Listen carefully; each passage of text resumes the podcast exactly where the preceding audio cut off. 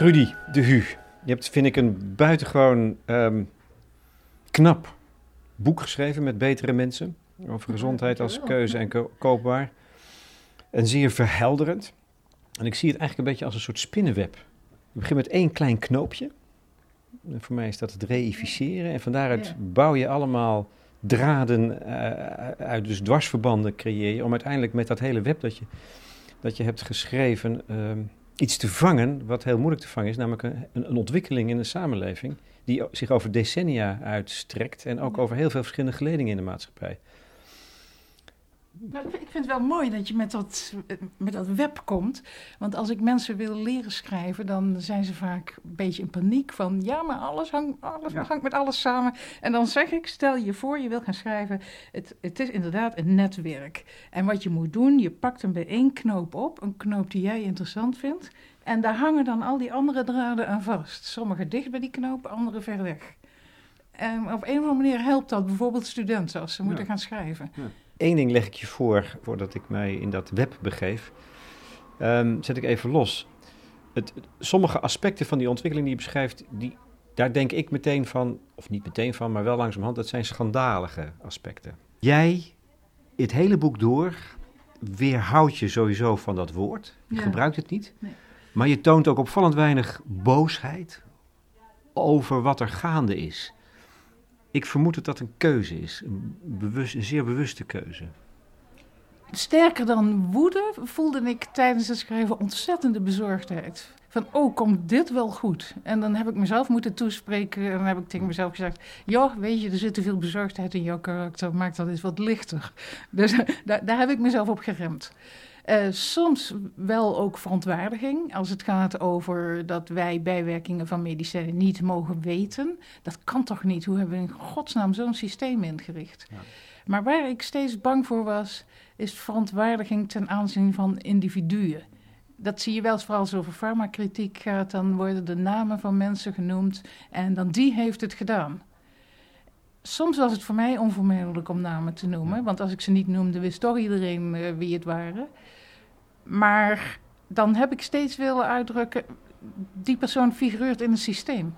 En het is een systeem wat we moeten aanpakken. En Ja, maar mensen dragen toch ook verantwoordelijkheid? Ja, individuen dragen ook verantwoordelijkheid. Dat, eh, dat is waar. En, en, en je wil iets aanklagen ook. Ik wil iets veranderen. Ehm, ik heb een heel enkel keertje heb ik eventjes zo, dat was in het vorige boek ook, dat ik eventjes zeg Hmm. van, nou, dit vind ik nou echt over de schreef gaan. Dan, dan Ja. schrijf ik dat ook werkelijk op. Ehm, maar meestal, ja, wat heb je eraan om naar, naar een individu te wijzen? Eh, En eh, dat, die systemen waarin individuen functioneren, bijvoorbeeld het systeem van geneesmiddelentests, die niet eh, worden uitgevoerd door mensen die onafhankelijk zijn in financiële zin van de producenten van de pillen. Ja. Dat systeem, dat doen we met z'n allen. En waarom doen we dat met z'n allen? Nou, alleen al via de, hoe- op welke politieke partij we stemmen. Eh, we hadden kunnen weten van de afgelopen jaren welke politieke partijen dit willen veranderen en welke niet. Ja. En ik wil geen stemadvies uitbrengen, maar ik wil zeggen, eh, eh, we doen dit met z'n allen. Zo werkt het. Dit zijn de consequenties van de dingen die je doet, waar, waar je kiest, waar je voor kiest bijvoorbeeld. Ja, bijvoorbeeld, zolang het publiek blijft eh, denken dat wetenschappers namens de waarheid horen te spreken. En wetenschappers gaan honen zodra zij met onzekerheden komen. Of zodra zij zelf zeggen: onze feiten zijn op wikken en wegen en onze eigen beslissingen gebaseerd. Als het publiek dan zegt: ha ha ha ha, ha die wetenschap deugt ook al niet. Dan rijd je die wetenschappers klem. Dan dwing je wetenschappers om net te doen alsof de werkelijkheid via hun mond kan praten. Dat is een van de belangrijkste dingen die jij signaleert, denk ik. Hè? Of waar je eigenlijk een pleidooi voor houdt. Dat ook, of zelfs wetenschappers niet de waarheid in pacht hebben. Maar dat is niet erg. Eh, nee, niet, niet de waarheid. Als je onder waarheid verstaat dat het een rechtstreekse weerspiegeling van de werkelijkheid eh, moet zijn, dan niet. Want eh, wetenschappers, als ze onderzoek doen, ten eerste bepalen ze wat ze onderzoeken. Daarna bepalen ze hoe ze het definiëren. Dan bepalen ze met wat voor methoden ze onderzoeken. Dan interpreteren ze hun resultaten, et cetera, et cetera. Dus dat is niet waarheid in de zin van een directe reflectie van de werkelijkheid. Het wordt wel waarheid als vervolgens dingen als feiten de wereld ingaan, zoals definities van stoornissen. En daar dan de levens van mensen naar worden ingericht. Dus in die zin produceren ze wel waarheid.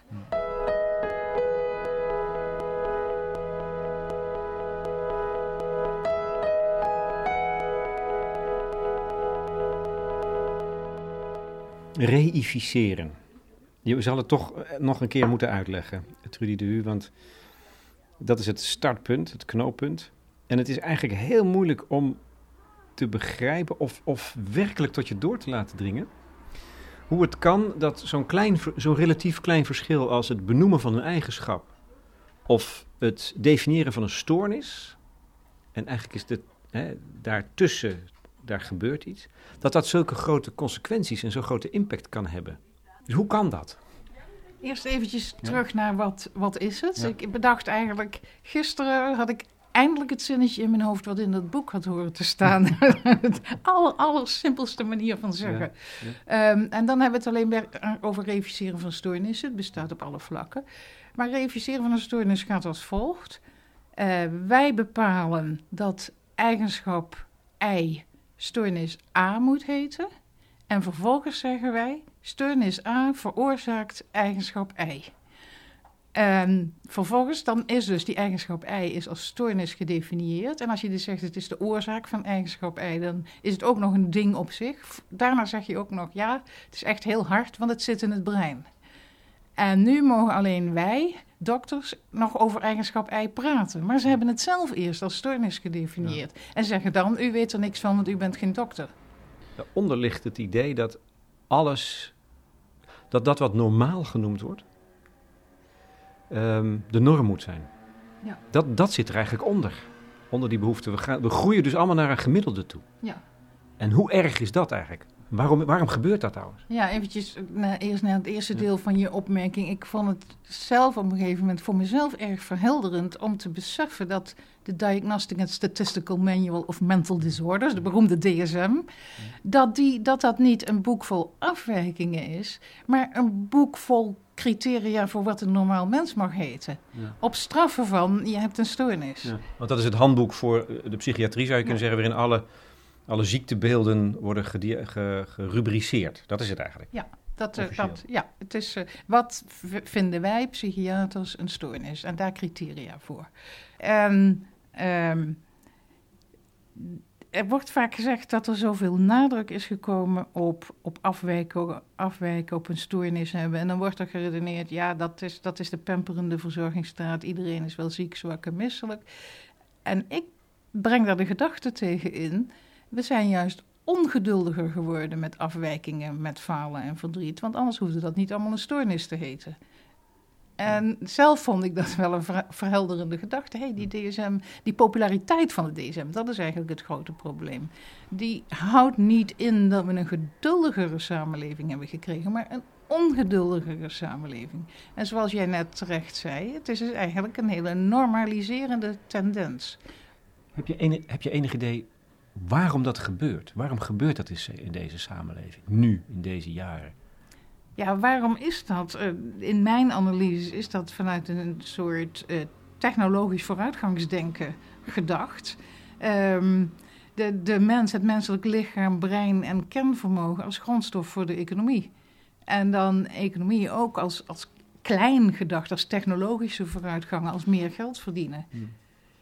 Terwijl wat, wat ik wil doen in mijn werk is waarschuwen, met behulp van de filosoof John Stuart Mill doe ik dat, waarschuwen dat, ja, we moeten geen betere mensen hebben, zeg ik dan met, met Mill, maar een variatie in mensen, want anders gaat de vooruitgang een veel te eenzijdige kant op. Ja. Op pagina 234, het is eigenlijk maar één zin. Nadat de ethiek en de religie als normatief kader aan autoriteit hadden ingeboet, vulde de taal van de stoornissen het ontstane morele vacuüm op. Ik dacht van ja, daar zit, daar, dat is maar één zin. Maar wat zit daar niet een hoop uh, verklaringskracht, zou je zeggen? Ja, en dan maar zo weinig woorden aan besteden. Ja. ja. nou dat hangt samen met dat idee van die DSM als eigenlijk een, een handboek over hoe hoort een goed mens zich te gedragen. Daar staat dus dan 300 pagina's dik. En vroeger vertelde de, de kerk hoe je je moest gedragen. Je ziet nu ook uh, psychiaters die boeken schrijven, de tien geboden voor het brein. Uh, dat zijn hele morele boeken. Hoe hoor je te leven? Ja. En mensen hebben daar ook behoef- behoefte aan. Die boeken worden gekocht. Of kijk naar eh, de damesbladen. Of kijk naar het tijdschrift Psychologie Magazine. Ehm, dus daar staan op de voorkant altijd al een hele reeks zelftests eh, aangeboden. Nou, wat doen die zelftests? Die laten Ja. jou zien wat er nog, niet, Ja. wat er nog aan je schort. Ja. Ik heb er pas in een Amsterdams café heb ik een, een zomernummer van Psychologie Magazine stond daar. eh, en ik vroeg of ik hem mee mocht nemen en dat mocht ook. Nou, waarom wou ik hem meenemen? Het was een dubbeldik zomernummer. Voorop stond dubbeldik zomernummer met heel veel zelftests. En ik zag dat, en die zelftests zaten achterin. En ik, ik zag dat achterin was helemaal bebladerd. En voorin was niet gelezen. Ja. Dus ja, Een schreeuwende behoefte. de schreeuwende behoefte aan hou vast. Ja. Aan zeg mij, zeg mij hoe ik moet zijn. Ja, maar dat is dus wat eronder zit. Dat wij niet meer weten hoe we moeten leven. Ja. Maar omdat we ook niet meer dat gesprek erover in ethische zin eh, eh, voeren. Toch? We weten niet meer hoe we moeten leven. Nee, ik denk dat, we, dat dat heel moeilijk is om, om te weten hoe we moeten leven. En vooral om een gevoel te ontwikkelen van... eh, ik mag binnen bepaalde grenzen zijn wie ik, wie ik ben. Ik mag, mijn, ik mag zoeken waar ik wel goed tegen kan... eh, en waar ik slecht tegen kan, waar ik goed in ben, enzovoorts. En, Maar het is het hou, de, de norm, het gemiddelde, is dan het houvast geworden. Dat is het. Ja, het gemiddelde, of juist de norm net de lat boven Nou ja. ons. Hè? Want Ja. terug naar allemaal gemiddeld zijn mag eigenlijk ook niet. De lat ligt vrij hoog, maar het is wel dan een identieke eh, lat voor wat dan weer eh, normaal moet heten. Eh, gemiddelde tanden zijn tamelijk scheef en de norm is rechte tanden. Hm. En wat nou in, in, in dit boek vooral eh eh, bezighoudt, is dat wetenschap dat zo enorm doet onder het mom van feiten. Nee, dat is gewoon de hersenen die voor zichzelf spreken. verkoopt hij eh, enorme normen en de, en de stoornissen zijn daar, eh, zijn daar een voorbeeld van. En ik denk ook wel weer dat de samenleving enigszins de wetenschap dwingt. Ehm, als, je moet, als jij onderzoek wil doen met een hersenscanner, vind je prachtig, je wil die hersenen doorgronden. Dan zegt de samenleving of de subsidiegever, waar dient dat voor? Wat heeft dat voor nut? Nou, roept die wetenschappers dan, nou, daar, daar kan ik stoornissen mee detecteren hoor. En dan krijg je alweer die nadruk op die stoornissen. Anderzijds, ik ben het er helemaal mee eens dat er wetenschap is van, laten we zeggen, autisme in de klassieke ernstige zin van het woord. Ik heb zelf vroeger in de kinderpsychiatrie gewerkt. En daar gebruikten wij het woord autisme. Dat was tot in de jaren tachtig. Echt voor kinderen waaraan iedereen binnen vijf minuten zag dat, dat er iets ernstigs niet in orde is. Ja, nou, misschien is het goed als het gaat om de rol van de wetenschap, ehm, als je die willen belichten, om, om dan toch het, het probleem van wat ADHD is eh, als concreet voorbeeld te nemen. Nou, ik, gisteren las ik een, een artikeltje van, nou, ik zal de naam er even bij pakken, via Twitter eh, kwam het mij onder ogen. Ik dacht van, nou, dat is precies waar het over gaat. Een column van Suzanne Otten-Pablos in het ADHD-netwerk, onder de kop Verzonnen ziekte. Nou, zij zij heeft een aantal uitspraken verzameld van bekende en minder bekende mensen. die heel denigerend doen over ADHD. Ja. Als een verzonnen ziekte. Ja. Of als een manier om, ons, om. Wat verschrikkelijk dat we die, al die kinderen met pillen volstoppen. Mm. Dat aan de ene kant. Maar aan de andere kant zijn er mensen, moeders, vaders, kinderen. die een probleem hebben. Eh, dus eh, wat is het dan? Is het nou een verzonnen ziekte of is het echt iets? Ehm, eigenlijk moet je dan toch de rol van de wetenschap daarin belichten. Wat heeft die wetenschap met ADHD de laatste 10, 20 jaar gedaan? Heeft wetenschap dat gecreëerd? Hm. Ehm, ik, ik ontleed de vraag weer in twee Ja, delen. ja, ja, daar was ik al bang voor. Daar- was ik al bang voor inmiddels. Ehm verzonnen ziekte, dat is natuurlijk onzinnig. Dat schrijf ik in het, in het begin van het boek ook. Zo moeten we er helemaal niet over praten. Ik verzet me ook als mensen er zo over praten. Ehm, er is geen ziekte die niet op definities is gebaseerd. Dat, dat, dat bestaat helemaal niet. Op dit moment is VWS bijvoorbeeld, of misschien zijn ze er inmiddels mee klaar, de lijst met erkende ziektes nog eens door aan het lopen om met de vraag of er niet wat geschrapt kunnen worden. Nou, daar zie je, want, want we moeten bezuinigen. Ja. Eh, daar zie je al aan bijvoorbeeld oorpijn. En dan staat erbij, als we nou oorpijn niet meer als ziekte zien, dan bezuinigt dat zoveel. Maar dat, is niet onzinnig, dat is zinnig. Want ehm, ziekte is dat wat we als ziekte willen beschouwen. En soms is daar, vaak hebben we daar hele goede redenen voor om iets als ziekte te beschouwen, omdat het echt de dokter is die er het beste iets aan een probleem kan doen. Hè, de kanker niet als ziekte beschouwen zou raar zijn. Hoewel ook daar heb je weer definitiekwesties, want welke moedervlekken tellen we nou mee als pre-kanker bijvoorbeeld? En bij de definitie van borstkanker is carcinoma in situ is officieel van de kankerlijst geschrapt omdat die zo gemakkelijk te genezen is. En als je dan tegen mensen zegt, u hebt kanker bij carcinoma in situ, dan raken mensen in paniek uh, enzovoort. Dus ook daarbij kwestie van definitie. Um, dus is het onzinnig om te zeggen ADHD is een verzonnen ziekte. ADHD is uh, concentratiegebrek uh, of hyperactiviteit en of hyperactiviteit ingekaderd als ziekte, gedefinieerd als ziekte. Dat houdt in de dokter is degene die daar het beste iets aan kan doen. Nou, als we het zo zien, kun je erover gaan praten. Maar alleen als we het zo zien, kun je erover gaan praten of dat een goed besluit is. Ja. En bij welke criteria voor ADHD dat een goed besluit blijft. Maar als de DSM, die heeft die definitie alsmaar verruimd, verruimd, verruimd. Totdat er ook dromerigheid ging eronder vallen. En dan krijg je weer een reviserende wending. Uh, eh, ADHD uit zich bij meisjes in minder symptomen. Nee, we hebben de definitie van ADHD zodanig veranderd dat ook dromerige meisjes eronder vallen. Of ADHD treft ook 90-plussers, kwam ik tegen in, in de kranten. Ja, dat was nadat uh, de, de criteria voor ADHD bij volwassenen veranderd waren. Nou, de vraag is of het zinvol is om dromerige 90-plussers met medicatie uh, minder dromerig te maken.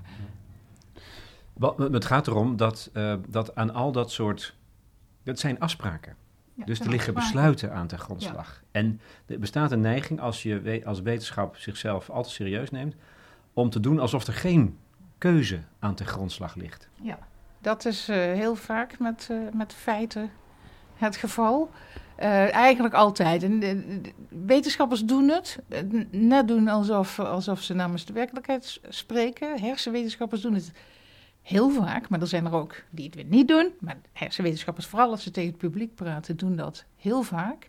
Uh, ik vind het ondemocratisch. Ik, ik, vind dat je het publiek de gelegenheid moet geven. Je, je, moet zeggen dat je metingen zijn ingebed in beslissingen, in ontwerpen, in interpreteren enzovoort. Er zit een dikke korst omheen van menselijke besluiten.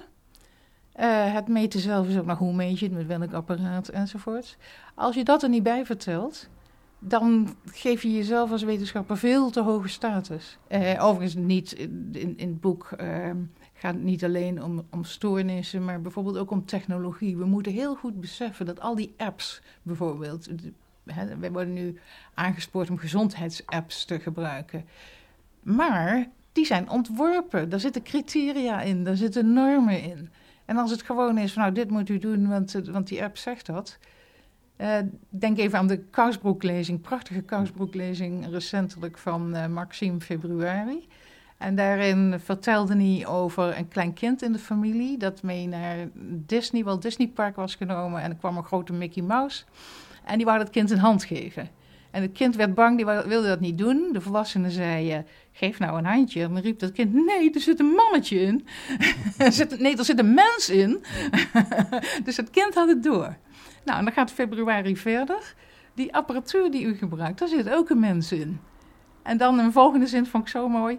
Uh, die apparatuur die is al gehackt voordat u hem aangeschaft hebt. Ja. nou, dat, dat legt de problematiek goed uit. Is parallel... Um, uh, technologie, apparatuur, maar ook verbale kennis. Daar zit een mens in. Ja.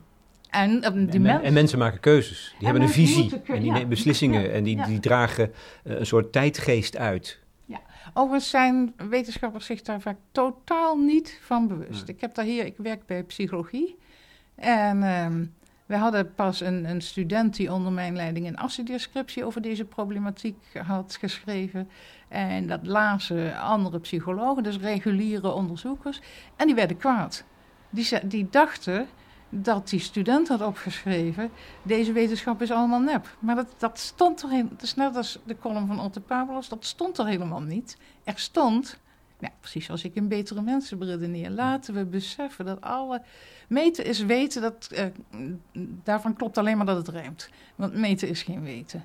Alle meten, scannen, rekenen is ingebed in indelen, nadenken, beslissingen nemen en interpreteren.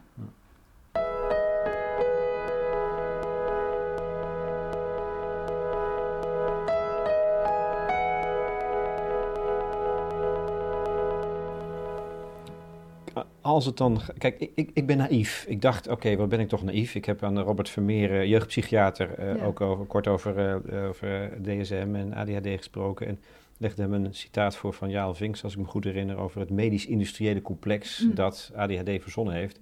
En het ging over de banden, nou ja, dat medisch-industriële complex. Ja, dat vinden ze heel erg.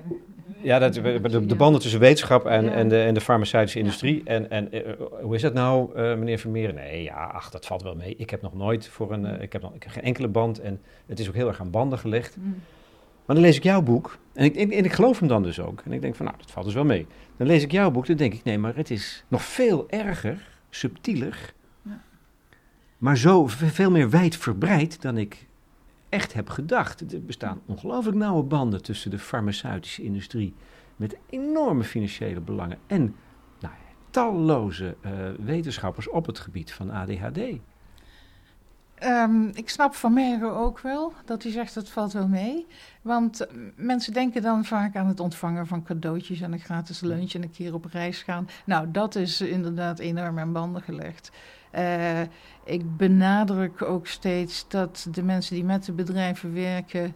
Eh, dat niet doen om daar zelf rijk van te worden. Hè? Dat wordt meestal aan de schandpaal genageld. Dan wordt er gezegd, nou, dat valt reuze mee. Maar dat is het punt helemaal niet. Het punt is dat ehm, als je het- geld van een bedrijf in onderzoek steekt, je gaat een denkkader met elkaar delen. Je kan niet meer anders denken over gebrekkige aandacht of te druk gedrag als een ziekte.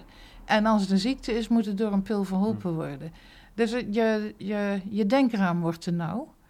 Nou, daarnaast kwam ik ook inderdaad wel dingen tegen die. Waarover jij net terecht zei dat ik weiger het woord schandalig in de mond te nemen. Want Terwijl het dat gewoon is.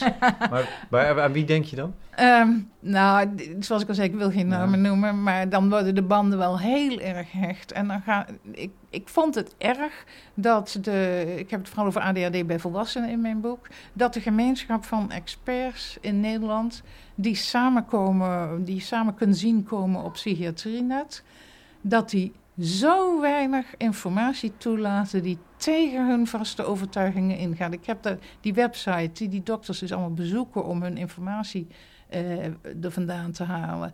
Dat die dokters daar niets krijgen van de vele literatuur die voorhanden is, die hun vaste meningen tegenspreken. Bijvoorbeeld over de effectiviteit van de pillen, bijvoorbeeld over de bijwerkingen, bijvoorbeeld over dat je ADHD nooit in de hersenen kunt waarnemen, omdat je hooguit verschillen kunt zien. Ja. En ga zo maar door.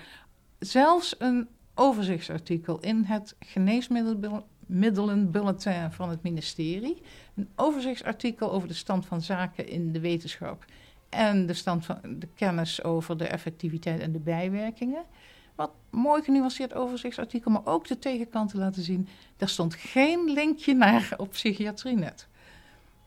En alleen maar ehm ja, hoera-verhalen en eh, ADHD-medicatie voorkomt criminaliteit klakkeloos. Terwijl dat Maar zo'n dat is, gevaarlijk onderwerp is. ja, maar bovendien, dat is dus doortrapt. En het is leugenachtig. Dan, dan, dan word ik wel kwaad als ik dat lees. Want ze weten dat. Do- er wordt moedwillig wordt informatie eh, niet doorgespeeld, tegengehouden voor donkere maat. Van onafhankelijke experts bijvoorbeeld, die iets anders laten, eh, een ander resultaat geven dan uit al die goed bedoelde onderzoeken. Ehm, maar dat is dan toch wel heel kwalijk.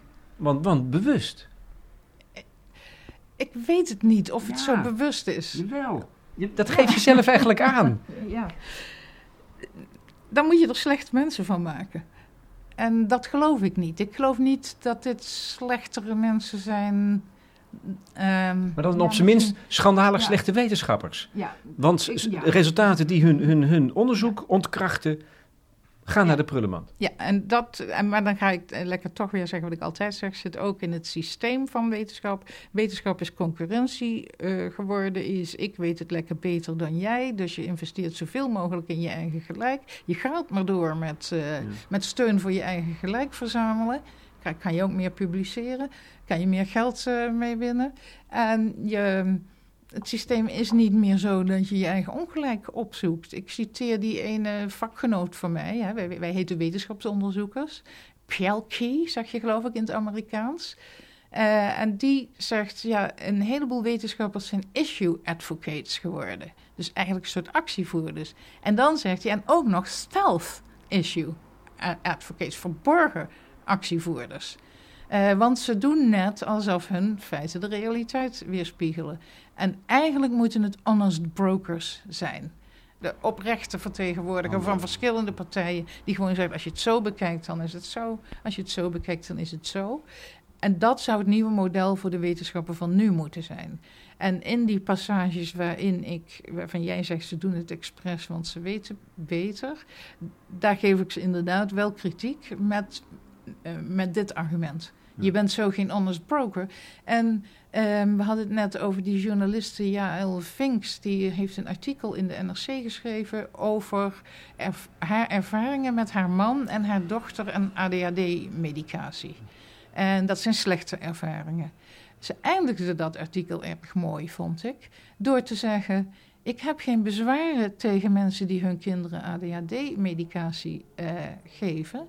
Maar ik heb wel bezwaren tegen professionals en wetenschap die mij eenzijdige informatie geven. Ik wil meerzijdige informatie hebben. En daar zit het, zit het grote probleem.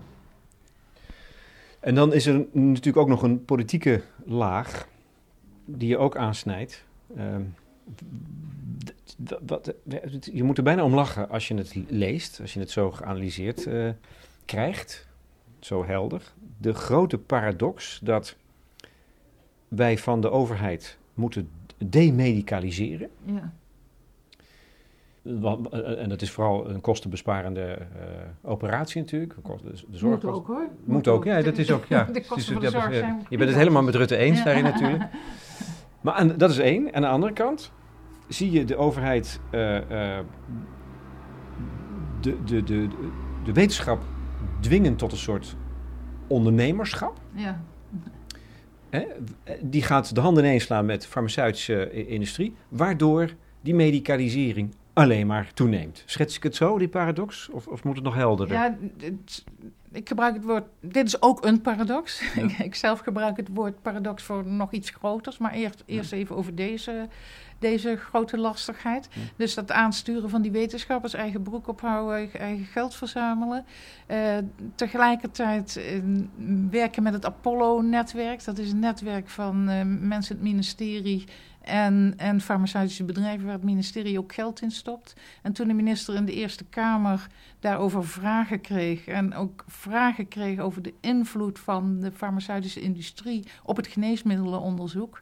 Toen was het antwoord, althans zoals het op papier staat, dus ik neem aan dat dat het antwoord was. Ja. Van ach, dat is helemaal niet erg dat die farmaceutische bedrijven invloed hebben op het geneesmiddelenonderzoek. Want alle partijen hebben altijd belangen. Ja. Ja, dat kan natuurlijk niet. Eh, Dat kan echt niet. Als je dan tegelijkertijd wil dat mensen minder pillen slikken, minder in termen van ziekten denken, dan, eh, dan ben je iets raars aan het doen. Maar, maar, maar dat is toch iets raars aan het doen? Ik vond dat ongelooflijk. Ja. Als je nou als minister weet dat een beslissing... Hè, Ze weet het niet, denk ik. Ik vermoed dat ze het niet weet. Eh, Dat, dat, geneesmiddelenbulletin is heel kritisch. eh, Dat, had, over, dat van VWS, hè? heel kritisch over geneesmiddelentests betaald door de makers van de medicijnen. Had pas nog een artikel gepubliceerd dat helemaal uitspint op welke manieren allemaal tijdens dat testen die belangen in, in die resultaten kunnen, kunnen sluipen. Maar als je ik denk dat de minister helemaal geen tijd om dat geneesmiddelenbulletin te lezen. De ambtenaren zullen het ook niet lezen. Ja, ik weet, ik heb er anders ook geen verklaring voor dan dat ze dat slechte mensen zijn. En dat, Nee. Maar goed, maar, maar wel, kijk, dat gaat dan over het controleren, als het ware. Maar een beslissing als eh, dat ook volwassenen ADHD kunnen hebben. Of dat de criteria voor ADHD, als je die verlaagt, dan hebben dus veel meer mensen ADHD en gaan veel meer mensen die pillen gebruiken. Nou, Ja. dat, dat is toch vrij simpel te doorzien. Ja, dat, eh, dat, die beslissingen nemen dan weer de samenstellers van dat handboek, die, die DSM, die ook vaak net zoals de bedrijven denken. Die denken, dat kun je zien in hun artikelen, die, die geloven werkelijk wat ze zeiden. We moeten de criteria voor ADHD bij volwassenen wel verlagen, want anders missen we een hoop patiënten. Dus zij denken dat die ADHD los van die definitie kan bestaan. Want anders missen we een hoop patiënten. Ja, als je daarop doordenkt, dan heeft op het laatst iedereen ADHD natuurlijk. En, en wie spinnen daar garen bij? De grote bedrijven. Nou, dat is in het belang van de overheid. Dus die stimuleert dat. Maar dan, dan, dan kan je toch niet tegelijkertijd pleiten, pleiten voor minder medicijnen? Ja, maar dat is altijd wat, wat eh, het neoliberale denken altijd zegt. Die denkt in termen van individuele verantwoordelijkheid. Mensen moeten zelfredzaam zijn en niet in alle reclames trappen. Ja. Ze moeten niet overal intrappen. Ja, dat is de hele tijd dat, dat verantwoordelijke individu dat het maar op moet lossen. Nou, en daar zit nog weer die andere grote paradox. Je gebruikt, ik heb een, een uitdrukking, de paradox van de leefstijlpolitiek. Nou, dat, dat, die redenering zit als volgt. Ik had dat boek in het vorige decennium geschreven, ook over stoornissen enzovoort. En daarin had ik eh, een gezondheidspolitiek geconstateerd. En die bestond bijvoorbeeld uit campagnes van de overheid. Eh, zoals depressiebewustwordingscampagnes. Overal in het land eh, gehouden met affiches. Ik kwam ze op Groninger boerenschuren tegen. Over dat mensen zich bewust moesten worden van depressie als stoornis. Eh, ook, er waren ook campagnes bijvoorbeeld van de Hersenstichting. Word je bewust van ADHD bij volwassenen, want er zit criminaliteit in deze mensen. Nu zijn we tien jaar later. Die gezondheidspolitiek is veranderd. Nu is de politiek, word je bewust van de risico's op falen. Dus je moet niet naar de dokter, je moet aan jezelf werken om niet ziek te worden. De standaarden voor een goed functionerend mens zijn niet veranderd, maar de manier waarop je aan die standaarden moet gaan voldoen zijn veranderd. Nou, ze zijn misschien wel veranderd, want de lat komt steeds hoger te liggen. Want je moet nu ook aan preventie doen. Je moet eens kijken hoe er op zwangere vrouwen wordt ingepraat. Wat, wat die wel allemaal voor kwalijks kunnen aanrichten door iets kleins fout te doen. Nou, dus je maakt mensen steeds zenuwachtiger. Die zwangere vrouwen die worden doodnerveus. En misschien ook wel somber. En dan is niet, niet, niet geen depressie krijgen, want dat is slecht voor je latere kind. Dan kan dat kind wel ook depressief van worden. Nou, wat gaan die mensen dan doen met, onder dat regime van deze leefstijlpolitiek? Om hulp vragen. En dan bereik je precies het tegenovergestelde van wat je wilde bereiken met je beleid. En je krijgt gestandaardiseerde mensen, wat ook nog eens slecht is voor, eh, voor de menselijke vooruitgang. Ik vind het vooral ook zo dom. Kijk, als je het niet in termen van slecht wil zien, van kwa kwaadaardig, dan, is, het, dan Ja. is het op zijn minst toch wel ongelooflijk dom. Eh, ja, onnadenkend. En- En niet dom in de zin van te weinig verstand in je hoofd hebben, maar dom in de zin van niet stilstaan bij wat je, wat je, ik, wat je aan het doen bent. Ik kom zoveel wetenschappers tegen voor, voor wie dit bijna niet te begrijpen eh, problematiek is. Die boos worden als je zegt, ja, maar meten is geen weten. Eh, die boos worden als je zegt, feiten weerspiegelen de werkelijkheid niet. Waarom? Niet omdat ze dom zijn, ze zijn intelligent genoeg voor een universitaire opleiding en misschien zelfs om hoogleraar te worden. Maar omdat ze, ja, ze zijn van, van student af aan zo opgekweekt. Het is een model. Het is een tunnel, eigenlijk moet je van een tunnelvisie spreken. Ja, ja, ja, en wetenschapstheorie is ook, mijn vak is bij, bij, de, bij de meeste faculteiten gewoon wegbezuinigd. Ja. Dat, is, er- dat is er nog maar heel weinig. Of het wordt gegeven door mensen die dit soort processen niet doorhebben. Maar dat is dus op zich al een, vo- een voorbeeld van standaardisering. Als je zo'n is- wachtgeld, want dan is dat een, een vak waarmee je die tunnelvisies zou kunnen ondergraven. Eh, ja, en dat wordt vaak wel erg lastig gevonden, want Maar eigenlijk ben je een soort luis in de pels. Eh. is dat, is dat, ben je dat als wetenschapsfilosoof? Eh, ja, bijna, bijna per definitie. Hè? Want wa- waarom zou, zou je geld, eh, belastinggeld aan mijn salaris uitgeven als ik zei wat alle wetenschappers zelf Ja. ook al zeggen? Ja. Dus ja, Nou, ze willen graag dus bevestigd worden dat het allemaal goed is. En niet eh, iemand die zegt van ja, maar klopt dat wel wat jullie Ja, doen? Weet je, ze moeten voort, voort, voort. Ze moeten artikelen publiceren. Dat zeggen jongeren ook wel tegen mij. Die, die bijvoorbeeld onderwijs van mij gehad hebben. Die zeggen, ja, ik kan dat echt niet gaan toepassen. Want dan, dat, dan, worden mijn, dan ben ik te lang bezig met een artikel. En, ik, ik moet, en je kan niet tegen de keer ingaan als je veel moet publiceren.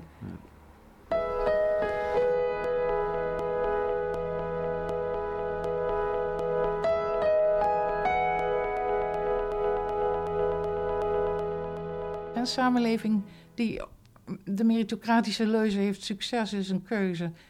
En dan geldt mislukking ook als keuze. Dan moeten degenen die niet zo succesvol zijn, die hebben uitwegen nodig. Nou, één uitweg is gaan schelden op buitenlanders die de schuld zijn van jouw gebrek aan succes. Een andere uitweg is zeggen dat het door de graaiende elite komt dat jij gebrek aan succes hebt en noem maar op. Een volgende uitweg is, ja, maar het komt ook door een stoornis. Er is iets mis met mij, ik heb hulp nodig.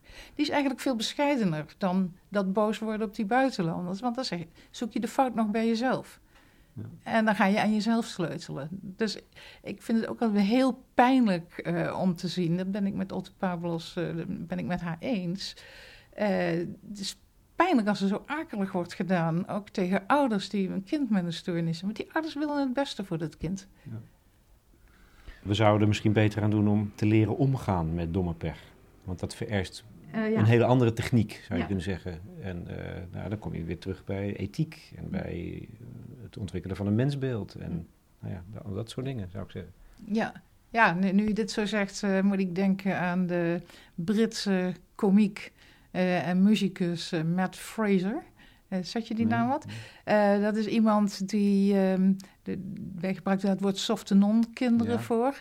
En hij heeft uh, geen armen, zijn handen zitten aan zijn schouders vast.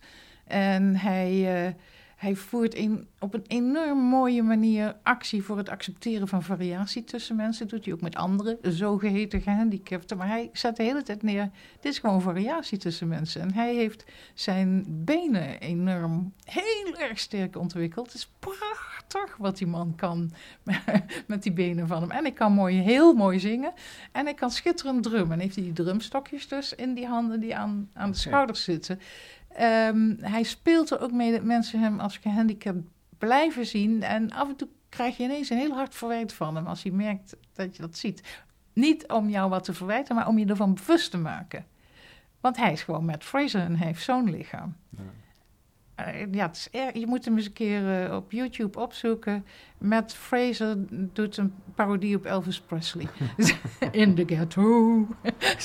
maar, dan, maar dan anders. maar dan anders. ja, maar daar gaat het eigenlijk. Eigenlijk is jouw boek Betere Mensen ook een heel heftig pleidooi voor het maar dan anders. Ja. Kunnen zijn, de variatie, de afwijking. Ja. Daar, daar, is het een heftig pleidooi voor, uh, omdat ik denk dat dat uh, bevrijdend is voor individuen die afwijken.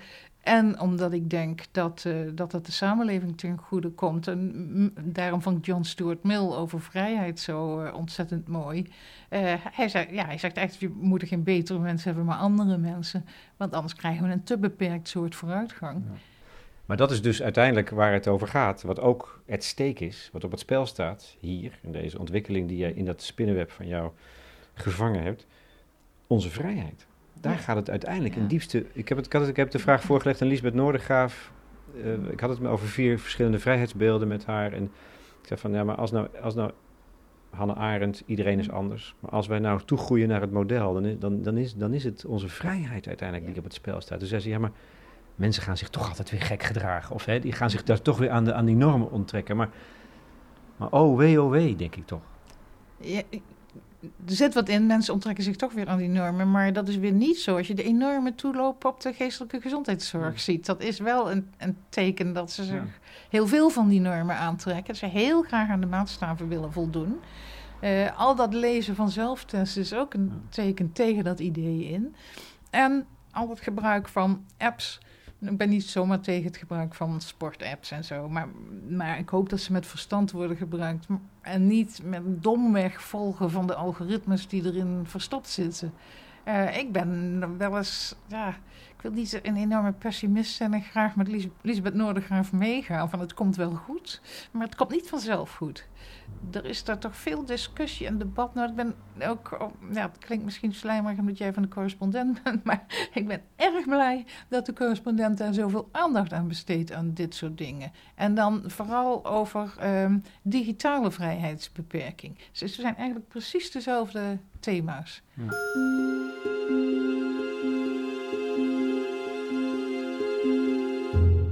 Trudy de Hu in gesprek met Lex Bolmeijer voor de correspondent over haar boek Betere Mensen.